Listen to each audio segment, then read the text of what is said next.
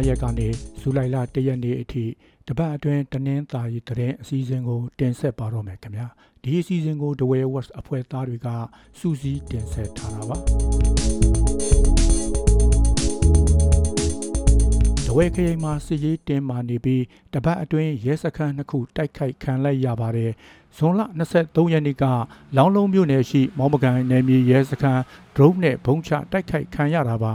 အဲ့ဒီရဲစခန်းနာကလမ်းပိုင်းတနေရာမှာလဲရဲတပ်ဖွဲ့ဝင်တွေလိုက်ပါလာတဲ့ကားကိုပြည်သူ့ကာကွယ်ရေးတပ်တွေကစောက်ကြိုတိုက်ခိုက်ခဲ့တာကြောင့်ရဲအုပ်တအူးနဲ့တပ်ကြပ်တအူးတေဆုံးသွားပါတယ်။ဇွန်လ28ရက်နေ့မှာလဲမောင်းပကံရဲစခန်းဒုတိယအကြိမ်တိုက်ခိုက်ခံလိုက်ရပါတယ်။အဲ့ဒီနေ့မှာပဲရေဖြူမြို့မှာရဲစခန်းကိုလည်း drone နဲ့တိုက်ခိုက်ခဲ့တယ်လို့ဆိုပါတယ်။ အခုလာထဲမှာပဲဒဝယ်မျိုးကဝင်းကြီးများအိမ်ယာလောင်းလုံးမျိုးမှရဲစခန်းလာဝကာယုံဆာရဖယုံတိုက်ခိုက်ခံရတာတွေဇက်တိုက်ဖြစ်ပွားခဲ့ပါတယ်။ဒဝဲခရိုင်တဲ့အချိန်မရွေးတိုက်ပွဲဖြစ်လာနိုင်တဲ့အခြေအနေရှိတာကြောင့်ပြည်သူတွေအနေနဲ့မိုးရာသီမှာရေတခုံတွေမသွားကြဘူးကိုလည်းလောင်းလုံးမျိုးနယ်ပြည်သူ့ကာကွယ်ရေးအဖွဲ့ကထုတ်ပြန်ထားပါတယ်။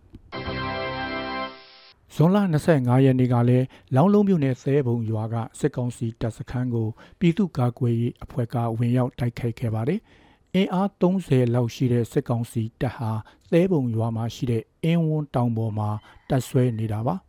။အဲ့ဒီစစ်ကောင်စီတပ်စခန်းကိုလောင်းလုံးမြို့နယ်ပြည်သူ့ကာကွယ်ရေးအဖွဲ့နဲ့အထူးပျောက်ကြားအဖွဲ့တို့ပူးပေါင်းပြီးဝင်ရောက်တိုက်ခိုက်ခဲ့တာလို့ဆိုပါတယ်။ တနအီလောက်အကြာလက်နက်ကြီးတွေနဲ့နှစ်ဖက်အပြန်အလှန်ပစ်ခတ်တိုက်ခိုက်ခဲ့ကြတာပါတိုက်ပွဲအတွင်းနှစ်ဖက်ထိခိုက်မှုအခြေအနေကိုတော့မသိရသေးပါဘူးဇွန်လ28ရက်မနေ့ကလောင်းလုံးမြို့နယ်တောက်ကြပြင်းရွာမှာလဲတနတ်ဒဏ်ရာနဲ့တီဆုံးနေတဲ့အလောင်းတစ်လောင်းတွေ့ရှိခဲ့ပါတယ်။အသက်36နှစ်လောက်ရှိတဲ့ဒဝဲမြို့ဝဲကျုံမြို့တစ်ရက်ကွက်မှာနေတဲ့ ဦးကျော်မျိုးထိုက်ရဲ့အလောင်းကိုဒဝဲမောင်းမခံလမ်းပိုင်းတနေရာဖြစ်တဲ့တောက်ကြပြင်းရွာလမ်းဆုံမှာတွေ့ရှိခဲ့တာပါ။ဦးကောင်းမှာတနတ်ကြီးဖောက်ဝင်ဒဏ်ရာရိုက်နဲ့ခံထားရတဲ့ဒဏ်ရာတွေတွေ့ရတယ်လို့ဆိုပါတယ်။သူဝတ်ဆင်ထားတဲ့အင်ဂျီဟာစိုက်ကဲတက်စီသမားတွေကိုထုတ်ပေးတဲ့အမှတ်တစိတ်တွေ့ရတယ်လို့ဆိုပါတယ်။သူ့ကိုဘယ်သူတွေကပြစ်တက်ခဲ့တယ်ဆိုတာတော့မသိရသေးပါဘူး။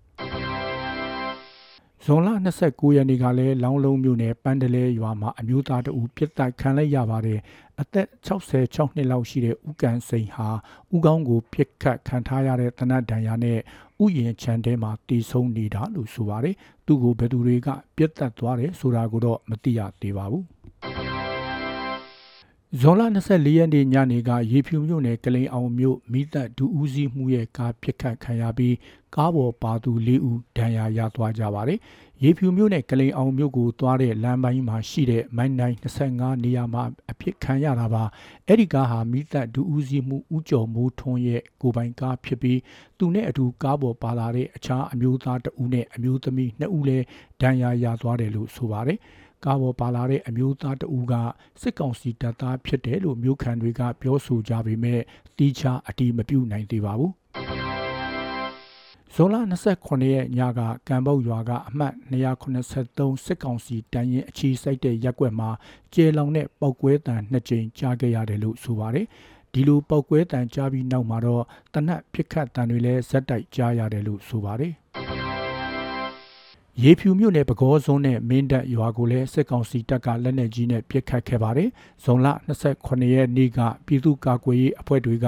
ရေဖြူမြို့မှာရဲစခန်းကို drone နဲ့ဘုံချတိုက်ခိုက်ခဲ့ပြီးနောက်တနေ့မှာစစ်ကောင်စီတပ်ကလက်နက်ကြီးနဲ့၃ချိန်ပစ်ခတ်ခဲ့တာပါ။လက်နက်ကြီးကြီးတွေဟာပကောစွန်းရွာနာမှာတစ်လုံးမင်းတပ်ရွာနာမှာနှလုံးကြားရောက်ပောက်ကွဲခဲ့တယ်လို့ဆိုပါတယ်။လက်နက်ကြီးကြောင့်လူထိခိုက်မှုမရှိပေမဲ့ထပ်အပြစ်ခံရမှာကိုဒေသခံတွေကစိုးရိမ်နေကြပါတယ်။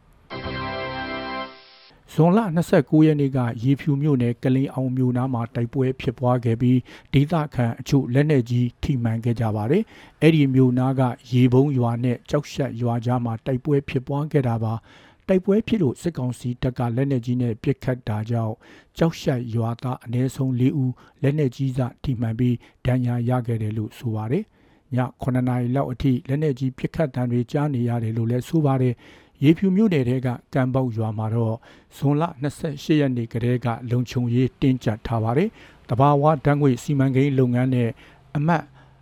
283စစ်ကောင်စီခြေလျင်တပ်ရင်းဘက်ကိုတွားတဲ့ရတနာလမ်းကိုစစ်ကောင်စီတပ်ကလုံခြုံရေးအကြောင်းပြပြီးဖျက်ဆီးခွင့်မပြုတော့ဘူးလို့ဆိုပါတယ် တရချောင်းမြို့နယ်ရွှေကူတရားရှိစစ်ကောင်စီတပ်စစ်စေးရေးဂိတ်ကိုပြည်သူ့ကာကွယ်ရေးတပ်တွေကဇွန်လ26ရက်ညနေမှာလာရောက်တိုက်ခိုက်ခဲ့ပါတယ်။မိနစ်30လောက်အကြာလက်နက်ကြီးလက်နက်ငယ်တွေနဲ့နှစ်ဖက်အပြန်အလှန်ပစ်ခတ်ကြတာလို့ဆိုပါတယ်။ရွှေကူတရားစစ်စေးရေးဂိတ်ဟာတဝဲမြိတ်တွားတဲ့ပြည်ထောင်စုလမ်းပေါ်မှာရှိပါတယ်။ဒါအပြင်ရွှေကူတရားစစ်စေးရေးဂိတ်နဲ့မနီမဝေးမှာရှိတဲ့အုတ်တူတရားစစ်စေးရေးဂိတ်ဘက်ကလည်းပစ်ခတ်တံတွေထွက်ပေါ်ခဲ့တယ်လို့ဆိုပါတယ်။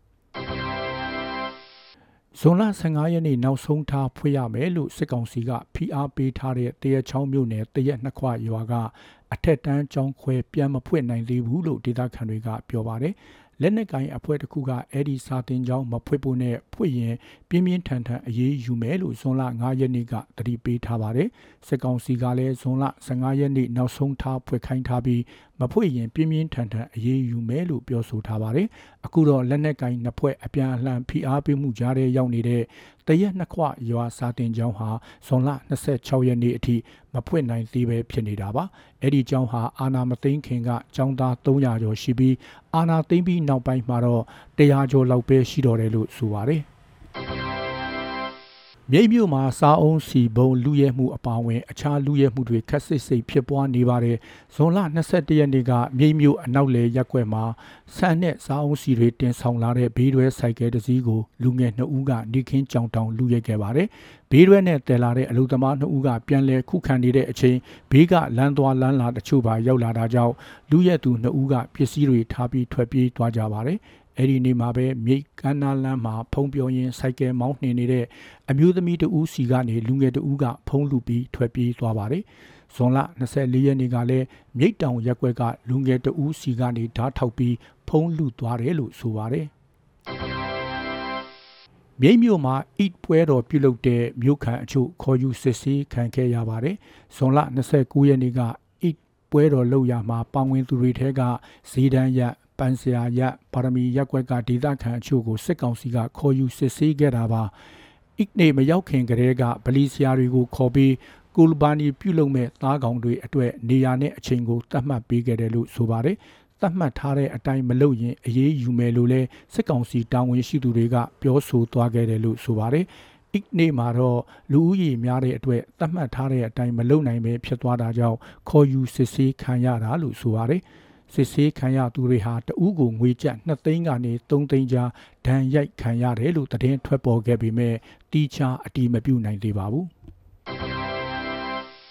မြိတ်မြို့မှာအုပ်ဆယ်ကားနဲ့ခရီးသည်တင်ကားတိုက်မိလို့ခရီးသည်ရှစ်ဦးဒဏ်ရာရသွားခဲ့ပါတယ်။မြိတ်တနင်္သာရီပြည်ထောင်စုလမ်းပိုင်းရှိမြိတ်မြို့နယ်စန်းတဝတ်ကြီးရွာအုပ်စုမှာဇွန်လ30ရက်နေ့ကတိုက်မိခဲ့တာပါ။ရင်တိုက်မှုကြောင့်ခရီးသည်တင်ကားပေါ်ကရင်မောင်းအပါအဝင်ခရီးသည်ရှစ်ဦးဒဏ်ရာရသွားလို့မြိတ်ဆေးရုံကိုတင်ပို့လိုက်ရပါတယ်။ စစ်ကောင်စီတပ်ကလက်နက်ကြီးနဲ့9ရက်ဇက်တိုက်ပြင်နေတာကြောင့်တနင်္သာရီမြို့နယ်ပဝနဲ့တရဖုံရွာကဒေသခံထောင်ချီတိမ်းရှောင်နေကြရပါတယ်။ဇွန်လ26ရက်ကနေ30ရက်နေ့အထိလက်နက်ကြီးနဲ့ပစ်ခတ်နေတာလို့ဆိုပါတယ်။ဒီလိုပစ်ကတ်နေတာကြောင့်ဒေသခံတထောင်ကျော်ဟာရွာထဲမနေရဲတော့ဘဲနီးစပ်ရာတောတောင်တွေနဲ့မြိတ်မြို့ပေါ်ကိုတိမ်းရှောင်နေကြရပါတယ်။ အဲ့ဒီရွာတွေနဲ့အနီးအနားရွာတွေဟာပြည်သူ့ကာကွယ်ရေးတပ်ဖွဲ့လှုပ်ရှားနယ်မြေတွေဖြစ်တာကြောင့်စစ်ကောင်စီတပ်ကရွာဘက်ကိုလက်နက်ကြီးနဲ့ပစ်ခတ်လေရှိတယ်လို့ဆိုပါတယ်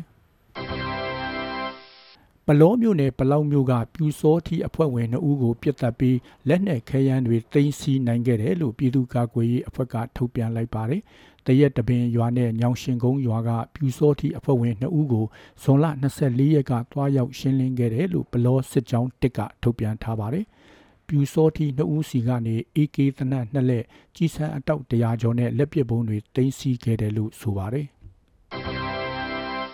ပလောမြို့နယ်မှာစစ်ကောင်စီတပ်သားမင်္ဂလာဆောင်နေတဲ့နေအိမ်နာကမကြီးကုန်းရွာစစ်စီးရေးဂိတ်ကိုပြည်သူ့ကာကွယ်ရေးတပ်ကဇွန်လ25ရက်နေ့ကတိုက်ခိုက်ခဲ့ပါတယ်။ အမှတ်285တန်ရင်ကတက်ကြက်တူးနဲ့တန်ရင်နားမှာနေတဲ့မကြီးကုန်းရွာသူတို့မင်္ဂလာဆောင်နေတဲ့အချိန်မှာစစ်စီးရေးကိကိုတိုက်ခိုက်ခဲ့တာပါတိုက်ပွဲအတွင်းနှစ်ဖက်ထိခိုက်မှုအခြေအနေကိုတော့မသိရဘူးလို့ဒေသခံတွေကဆိုပါတယ်ပလောမြို့နယ်ကြောက်နေရွာမှာဇွန်လ25ရက်ညကနေအိမ်ပေါ်လက်နက်ကြီးကျလို့အမျိုးသားတအူတေဆုံးသွားပါတယ်။တိုက်ပွဲဖြစ်ပွားတာမရှိဘဲစစ်ကောင်စီတပ်ကလက်နက်ကြီးနဲ့ပစ်ခတ်ခဲ့တာလို့ဆိုပါတယ်။ လက်နက်ကြီးကြီးကြားရောက်ပောက်ကွဲခဲ့တာကြောင့်နေအိမ်ပေါ်မှာရှိနေတဲ့အသက်50ကျော်အရွယ်အမျိုးသားတအူသေဆုံးသွားပါတယ်။အခုလိုနားဆင်ပေးခဲ့တဲ့အတွက်အထူးကျေးဇူးတင်ရှိပါတယ်ခင်ဗျာသောရရှင်များကျမ်းမာချမ်းသာပြီးကပ်ပြီးအပေါင်းမှဝေးနိုင်ကြပါစေလို့ဒဝဲဝက်ဝိုင်းတော်သားများကစုမုံကောင်းတောင်းလိုက်ပါတယ်ခင်ဗျာ